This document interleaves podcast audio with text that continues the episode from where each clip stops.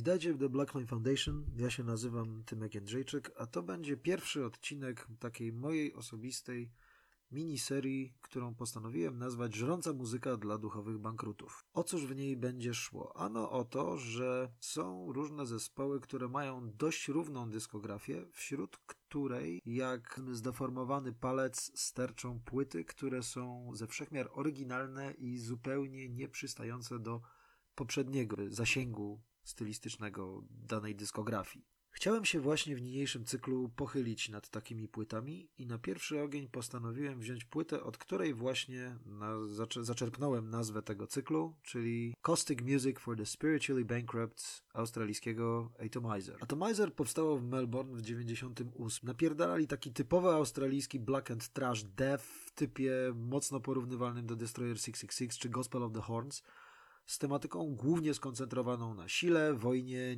neoniczeanizmie, kulcie diabła, metalu i używek. Skład przechodził rozmaite zmiany, a w pewnym momencie nawet grał w nim znany Sadistic Execution Matt Skids, tutaj o dziwo na gitarze. Jednak konsekwentnie obracał się wokół trzonu, jakim był wokalista, basista, gitarzysta i lider Jason Healy. Drugą częścią niniejszego trzonu był bębniarz Aaron Satil, którego znajomi nazywali Suds. Kapela miała na koncie trzy płyty, czyli The End of Forever z 2000, Death Mutation Disease Annihilation z 2002 i The Only Weapon of Choice z 2003. Reputację solidnego zawodnika, który jest wymieniany jednym tchem obok ówczesnych australijskich bandziorów, coś na kształt świetlanej przyszłości przed sobą.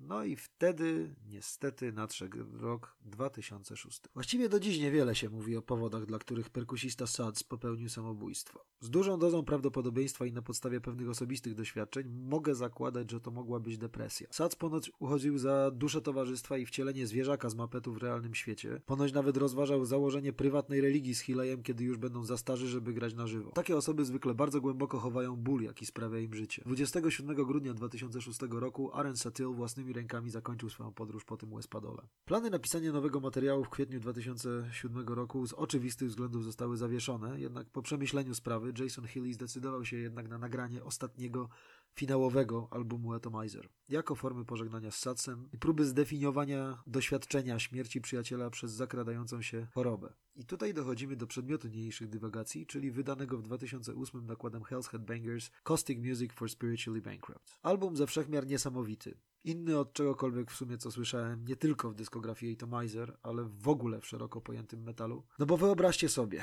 mariaż tnących, traszujących riffów z lodowatą atmosferą death rocka a la Christian Death czy wczesnego The Cure. Brzmi kompletnie niestrawnie, prawda?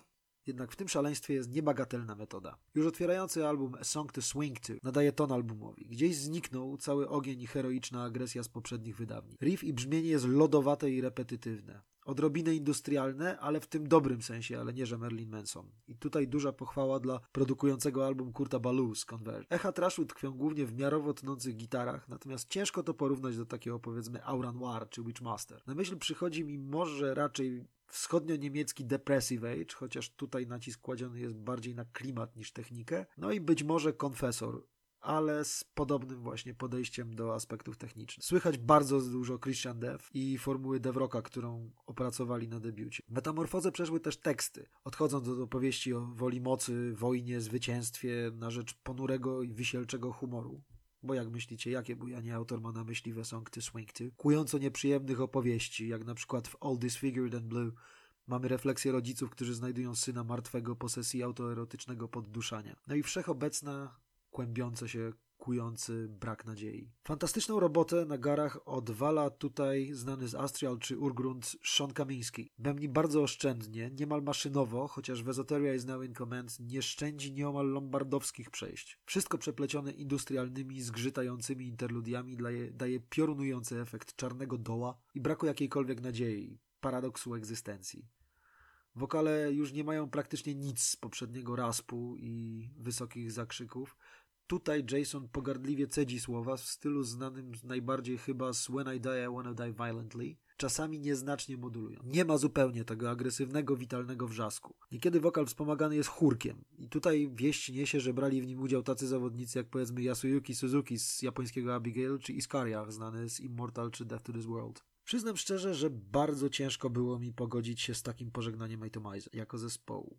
Chwili, kiedy ten album się ukazywał, miałem irracjonalne poczucie, że Healy poniekąd zdradza wspólną wizję, jaką przez tyle lat pielęgnowali z Satsem Zagarami. Coś jednak kazało mi zostać przy tym albumie i męczyć go i drążyć dłużej. Teraz bez cienia wątpliwości powiem, że to chyba mój ulubiony album, Atomizer.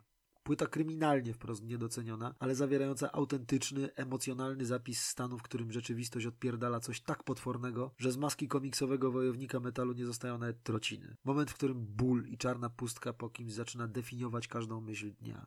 Coś podobnego czułem, czytając See a Grown Man Cry na Watch Him Die Henry'ego Rollinsa, gdzie rozliczał się on w formie strumienia świadomości ze śmiercią swojego najlepszego przyjaciela Joe'ego Cole'a. Potwornie emocjonalna i nieprzyjemna podróż przez najgorszy syf kanalizacji duszy. Tak bym to ze swojej określił. Dzięki za wysłuchanie tych kilku refleksji na temat Caustic Music for the Spiritually Bankrupt. Ja nazywam się Tymek Jędrzejczyk i mam nadzieję zaprosić Was na kolejny odcinek podcastu The Black Flame Foundation. Cześć!